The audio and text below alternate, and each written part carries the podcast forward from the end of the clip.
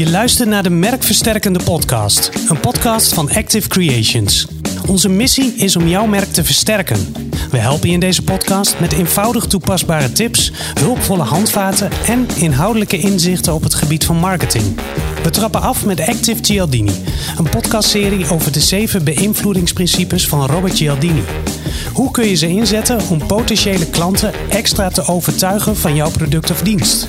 Hoe helpen deze principes om er voor jouw merk te laten kiezen? We diepen ze alle zeven voor je uit. In deze zesde aflevering vertellen Wilco Visser, Hans Winter en ik, Bas Wilbrink, je alles over het principe wederkerigheid. Waarom voelen we de sterke behoefte om een gunst met een wedergunst te beantwoorden? En hoe pas je wederkerigheid op een goede manier toe voor nog meer overtuigingskracht? Podcast nummer 6 alweer in onze Active Cialdini-serie. Dit keer over wederkerigheid. Wilco, kun jij eens uitleggen wat Cialdini ermee bedoelt met wederkerigheid? Uh, ik, ik, geef jullie net een kopje koffie. Ja, uh, dank nog. En eigenlijk is, uh, nou, geniet ervan. Dus ik geef jullie een kopje koffie. En eigenlijk wat Cialdini bedoelt is van, nou, dat, dat, je een schuldgevoel creëert. Bij jullie. Dus ik doe bij jullie een schuldgevoel creëren. Dat jullie mij ook een kopje koffie teruggeven. Ja, dat je ook het gevoel hebt dat je die schuld moet aflossen. En dus een wederdienst of een wedergunst ja, klopt. Ja. ja. ja. het is ook vaak in de kroeg wel zo. Hè? Dan, je bent met een groep vrienden iemand had een uh, rondje. En ja, dan heb je toch het gevoel van, nou, ik moet het ook, moet toch moet een rondje, rondje geven. Ja. Ja. ja. Hans, zijn er andere voorbeelden die je kan bedenken van wederkerigheid? Nou, ik denk dat dat nu, hè, het is nu 1 december dat we deze podcast opnemen. De, de tijd van de kerstkaarten komt er weer aan. Um, ik heb dat zelf in ieder geval altijd wel. Als je een kerstkaart van iemand krijgt, dan wil je die toch ook weer terugsturen. En ik denk dat heel veel mensen dat wel herkennen. Volgens mij is dat echt een perfect voorbeeld wat bij deze tijd past. Ja. Wat, wat is het dan in de mens dat, dat we dat schuldgevoel zo ervaren? Want vaak als je een kaartje stuurt, doe je dat niet met het idee van... oh, ik moet er één terugkrijgen. Nee, maar het is wel je... Ergens in je brein wordt een soort van schuld gecreëerd. En die schuld wil je zo snel mogelijk weer inlossen. Het is natuurlijk met een kaartje super simpel. Je krijgt het kaartje, stuurt hem terug. Ja. Maar wij willen dat aflossen. Wij willen daar gewoon weer, wij willen eigenlijk voldoen aan die roep om die schuld af te betalen. Ja, een soort break-even weer. Ja, uh, ja break-even staan. En dat, dat kan heel lang duren. Dat kan heel lang, uh, kan een schuldgevoel blijven staan totdat je hem ook daadwerkelijk ingelost hebt. Ja. Kijk, binnen je vriendengroep of binnen je familie kan het wat langer duren, maar uh, bij vreemdere mensen wil je hem eigenlijk meteen, meteen inlossen. Ja. Het voelt ook een beetje als een soort van cadeau krijgen. En, en waar je dan toch de drang bij ontwikkelt om iets terug te moeten doen. Ja. Voor wat hoort wat is natuurlijk een spreekwoord wat, uh, wat heel erg uh, slaat op de wederkerigheid. Ja. Dat zegt ook wel heel duidelijk: ik doe wat voor jou, dan doe jij wat voor mij terug. Ja. En ik denk dat je dat het vaak ook wel dat je het ook verwacht. Um, en dat je het soms misschien ook wel met die intentie doet. Je gaat iemand helpen klussen bijvoorbeeld in huis. Dan denk je, ach, weet je, dan kan diegene mij de volgende keer ook helpen. Ja, ja dus verhuizen, dat soort zaken. ja.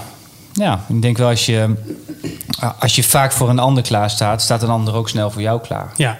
Want ook dan voel je wel een beetje die druk van, ah, laat ik dat maar doen. Dan krijg ik er de volgende keer ook wel iets voor. Of, hé, hey, laat ik dat nu maar doen, want diegene heeft mij de vorige keer ook geholpen. Ja.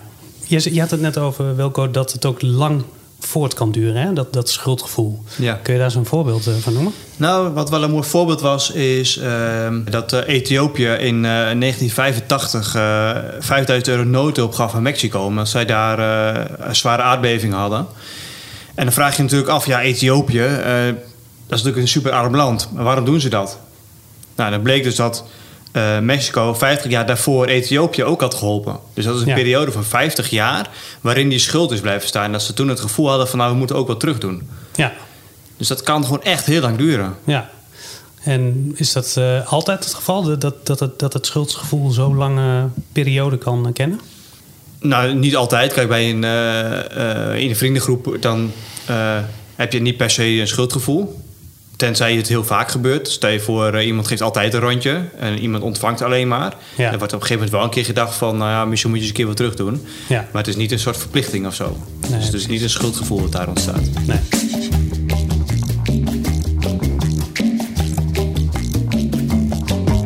Hans, jij bent uh, actief uh, geweest in de autowereld. Kreeg je daar ook wel eens te maken met, het, met die wederkerigheid? Dagelijks? Dagelijks? ja, die hele wereld. Die, eh, kijk, dat, dan, dan ga je eh, op reis op uitnodiging van een autofabrikant. Die jouw kennis laat maken, vaak met een nieuwe auto. Daarmee gaat rijden in de hoop natuurlijk op een positieve publicatie. Ja, om die publicatie eh, zo positief mogelijk te krijgen, is eigenlijk gewoon de hele reis dat je weg bent, staat in het teken van wederkerigheid. Ja. En dat begint al met dat je het allermooiste hotel krijgt wat je maar bedenken kunt. Ik heb echt op plekken geslapen. Nou, dan praat je over duizenden euro's per nacht. Ja. Waar je echt letterlijk alleen maar slaapt. Altijd dure diners. eh, altijd eh, eerste klas vervoer. Mhm. Ehm, en dan eh, is het ook nog een hele tijd zo geweest, zoals in de beginperiode, dat je dan terugkwam en dan kreeg je ook nog een cadeau. Of er lag een cadeau op je hotelkamer klaar. Ja. En geen lullig cadeau. Nee, gewoon in die tijd bijvoorbeeld de, de iPod. Eh, werd veel weggegeven. Ehm, nou, ja, ook wel andere Bluetooth speakers. Nou ja, noem het maar op. Echt wel serieuze cadeaus. Ja. Ja, en wat ga je dan doen? Dan voel je je toch ergens wel een klein beetje verplicht om positief, te schrijven. Het wordt wel steeds moeilijker om dan kritisch te blijven. ja. Ehm, Hoe ging je daar al- als om, eh, mee om als Ah, journalist? je doet je best om inderdaad objectief te blijven. Ja. Ehm, maar ik denk wel dat je objectiviteit sowieso... Het, was vaak dat je twee dagen weg bent. Tijdens die twee dagen je wordt beïnvloed. Of je het nu wilt of niet. Ja. Kun je nog zo kritisch willen zijn. ja. Plus dat het uiteindelijk... ehm, het zijn mooie reizen. Het is belangrijk omdat je uiteindelijk eh, eh, vooraan in de rij staat... met dat je met zo'n auto mag rijden. Dus je wordt bij een van de, nou, laten we zeggen, vijf media in Nederland die mag rijden. Dus je wilt die reisjes ook niet verliezen. Nee, nee. Ja, als jij dan een, eh, een super kritisch stuk gaat schrijven, dan wordt de volgende keer, ja, meneer Winter, eh, misschien handig dat we jou niet meer meenemen. Ja. Dus het heeft, eh, ja, ik durf zeker te stellen dat het effect heeft. Ja. ja, ik herken het ook wel. Ik ben eh journalist geweest. En toen ik jaren geleden stage liep bij een muziektijdschrift... kon ik ook een Duitse band interviewen. En dat was ook eh, vlak voordat ze zouden optreden in Duitsland. Dus ik werd eh, s ochtends met de auto opgehaald eh, bij mijn woning... naar Duitsland toegebracht. Nou, daar kreeg ik heerlijk te eten... Ehm, ik kon daarna de band interviewen, maar daarna kon ik weer gewoon eh, ja, biertjes drinken. Gewoon lekker een gezellige avond van maken. Het optreden bijwonen. En ik werd ook nog gewoon thuis afgezet met de auto. Zo. Ja, dus eh, het is iets minder exorbitant dan eh, jouw verhaal. Maar evengoed, ja, je krijgt allemaal gratis dingen. Een heerlijk Ja. etentje en eh, gratis drinken en vervoer. Je hoeft nergens naar om te kijken. Dus ja, het speelt toch wel mee in... Ja, ik weet zeker dat het, dat het effect heeft. En als je nou, dit is een voorbeeld wat jij noemt, maar het voorbeeld wat ik net noemde, heeft heel concreet te maken met op dat moment ben je iets, ergens een recensie van aan het maken. Maar wat ik veel meegemaakt heb, waren ook wel de snoepreisjes die ja, soms helemaal niets met auto's te maken eh, had. Mhm. Eh, eh, dat je bijvoorbeeld uitgenodigd wordt om naar Ibiza te gaan, naar Armin van Buren. Die dan op dat moment aan, aan een automerk verbonden is. Of ik ben wel bij de finale van de, de bekerfinale FC Barcelona tegen. Volgens mij was het een, nou ja, een Baske, Baskenlandploeg. Ik weet niet meer precies wie. Ja. Ehm, maar best wel serieus vooraanstaande wedstrijd. Ook omdat daar een autofabrikant een band mee heeft. En Ja. dan op dat moment heeft dat niets. Daar hoef je ook geen verhaal van te maken. Maar als je daar dan in het weekend bent geweest en op maandag wordt een persbericht gestuurd: hey Hans, wil je dit even plaatsen? ja, Dat je denkt: ja, normaal had dit artikel nooit geplaatst. Oké, ja. doe je toch. Ja, nee, Dus precies. Dat heeft gewoon effect. Ja. Maar in de politiek gebeurt het eigenlijk ook eh, heel erg, toch? ja, op wat voor manier? Nou ja, dan, er is wetgeving die dat eigenlijk nu wel verbiedt. Maar de, de belangenverstrengeling, eh vriendjespolitiek... Ja. eh, dat je plaatselijk, maar landelijk eh, op niveau ook wat dingen aangeboden krijgt. De financiering van politieke partijen die, ja, die moet ook openbaar worden gemaakt. Volgens mij gebeurt dat trouwens momenteel niet altijd. Volgens mij is dat wel het streven om zoveel mogelijk openbaar te maken. Om te laten zien dat daar geen beïnvloeding door plaatsvindt. Ja. En is bij veel bedrijven ook wel dat je ook geen incentives aan mag nemen. Nee. Om te voorkomen dat er sprake is van omkoping. Ja. En ergens is het ook wel logisch. Ja. Want het beïnvloedt je objectiviteit. Dus Ja. uiteindelijk beïnvloedt het eh, mogelijk het oordeel. Dus er kan achteraf ook iets van gevonden worden. ja.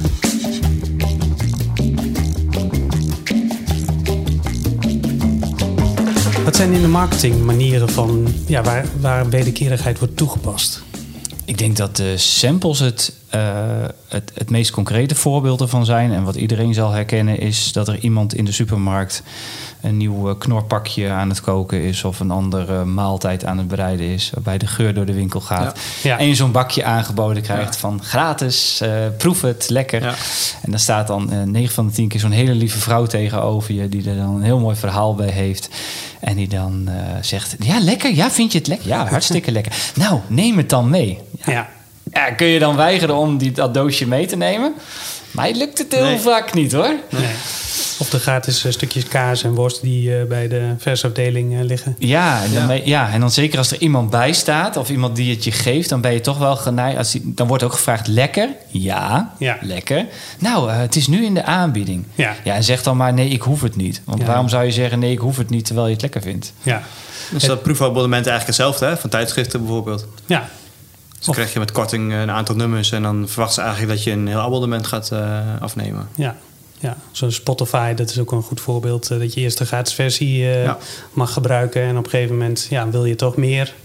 Dus je doet eerst een klein stapje. En dan eh, maak je toch snel de, de volgende stap. Ja, je verlaagt de drempel natuurlijk ook. Hè? En Dat Ja. is wel, daar zitten die beïnvloedingsprincipes natuurlijk spelen daar ook heel erg op in. Je wilt twijfel bij mensen wegnemen. Nou, als je bijvoorbeeld Spotify inderdaad gratis account neemt, je hebt al die gegevens al achtergelaten, je hebt het al helemaal ingesteld, dus op een gegeven moment draait het gewoon.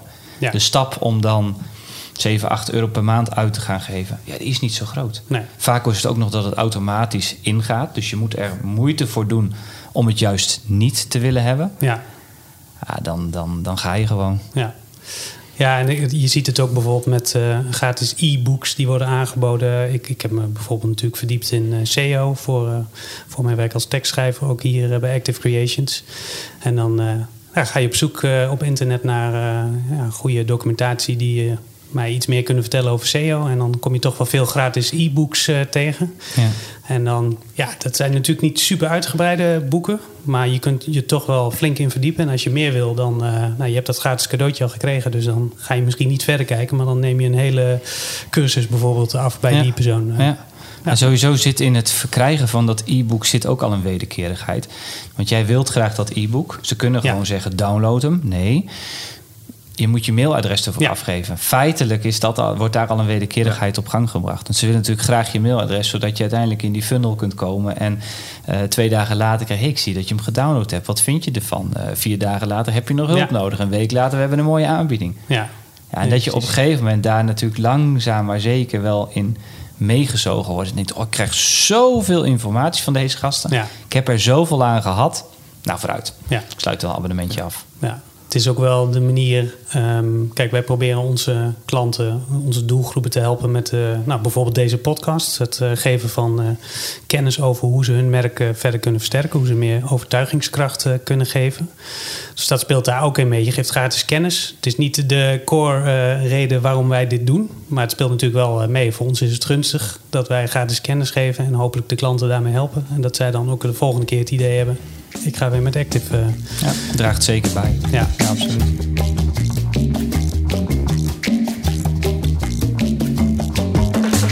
Als bedrijf je wat geven, of als je iets van iemand krijgt, ja, dan is het eigenlijk onbeleefd om het niet aan te nemen.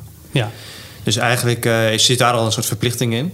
Alleen er zijn natuurlijk ook al voorbeelden te noemen van, eh, van situaties eh, ja, waarin je het niet wil aannemen, omdat je juist bang bent voor, die, voor dat schuldgevoel of die verplichting die dat eh, aan je oplegt. Bijvoorbeeld vrouwen in de kroeg die geen drankje willen aannemen van, van bepaalde mannen, omdat ze daar mee denken dat ze daarmee iets verschuldigd zijn aan die man. Ja. En dat zijn natuurlijk wel voorbeelden waarvan je dan de wederkerigheid eigenlijk niet accepteert en jezelf daarvoor beschermt. Dan kom je wel weer terug op het, op het ethische vlak waar we het ook vaak over gehad hebben.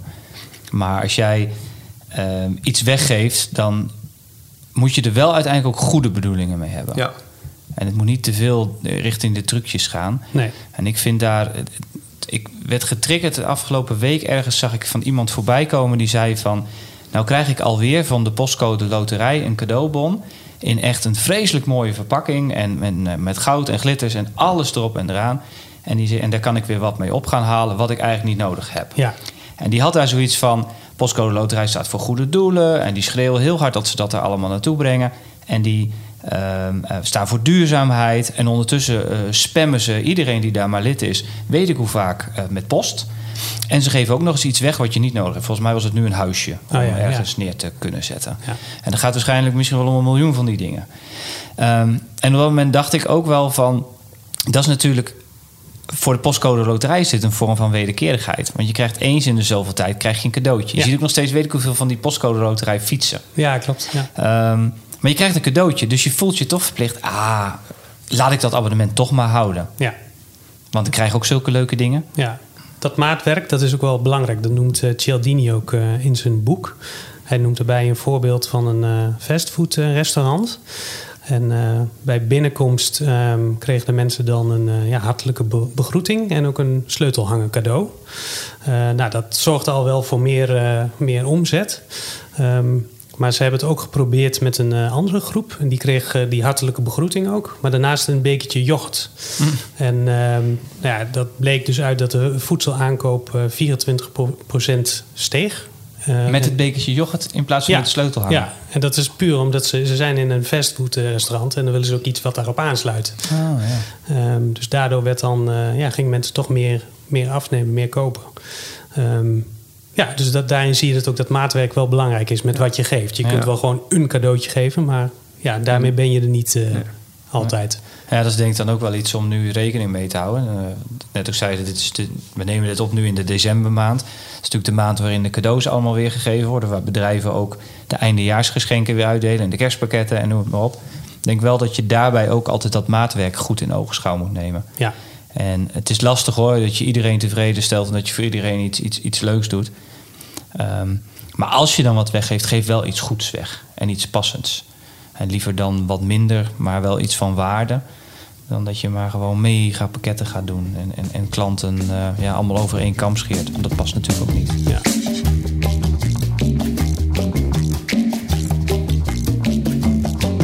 Heb je nog andere voorbeelden voor eh, ja, onze luisteraars om wederkerigheid op een goede manier toe te passen voor hun klanten?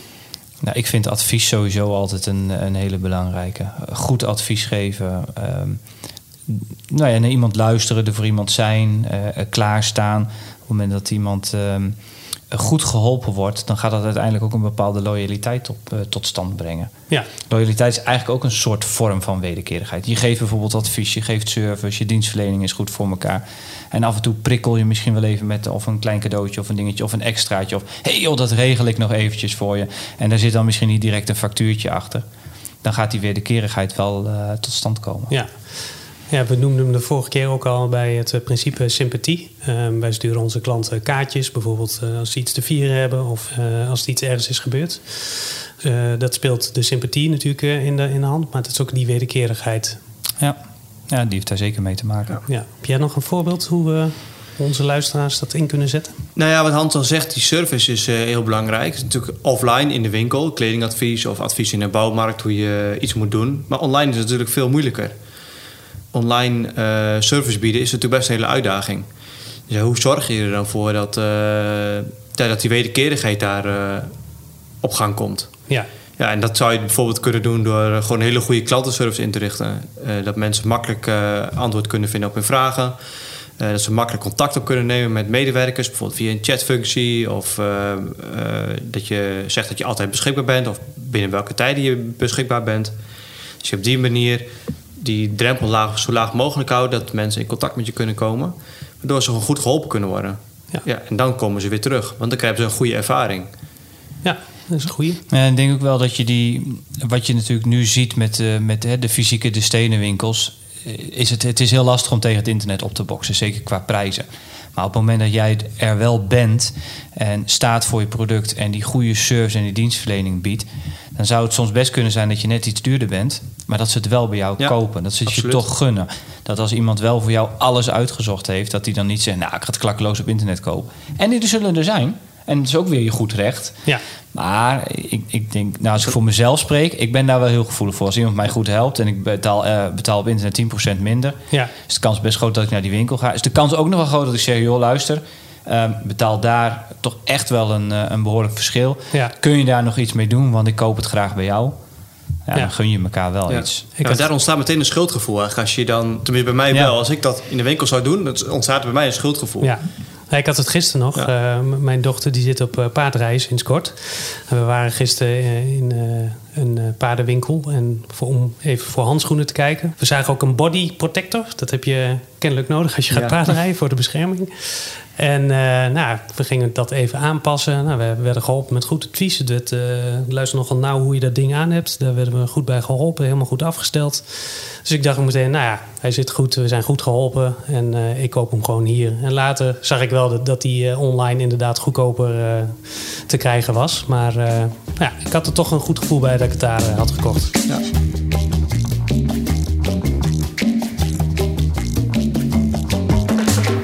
Kunnen onze luisteraars eh, het principe wederkerigheid nog meer eh, toepassen? Ik denk dat proefplaatsingen wel een, eh, een goed voorbeeld is. Ik zie de laatste tijd veel reclame voorbij komen van een alarmsysteembedrijf. En die, ehm, daar mag je je aanmelden als soort proefpersoon. En dan krijg je een jaar lang krijg je gratis een alarmsysteem in huis geïnstalleerd. Nou, ik durf te wedden dat je na een jaar, want je mag het dan daarna overnemen. Ja, Ehm, nou, ik denk dat 99 van de 100 mensen het laat hangen. Want ten eerste, je wil niet dat dat alarmsysteem er weer uitgaat. Nee. Omdat dat eh, levert ongetwijfeld schade op. Ik kan me niet voorstellen dat dat eh, weer weggehaald wordt zonder dat je het ziet. Ja, en ik denk dat je je ook wel verplicht voelt. Ja, ik heb het al een jaar mogen gebruiken. Ja, Ja. dan moet ik het toch houden. ja.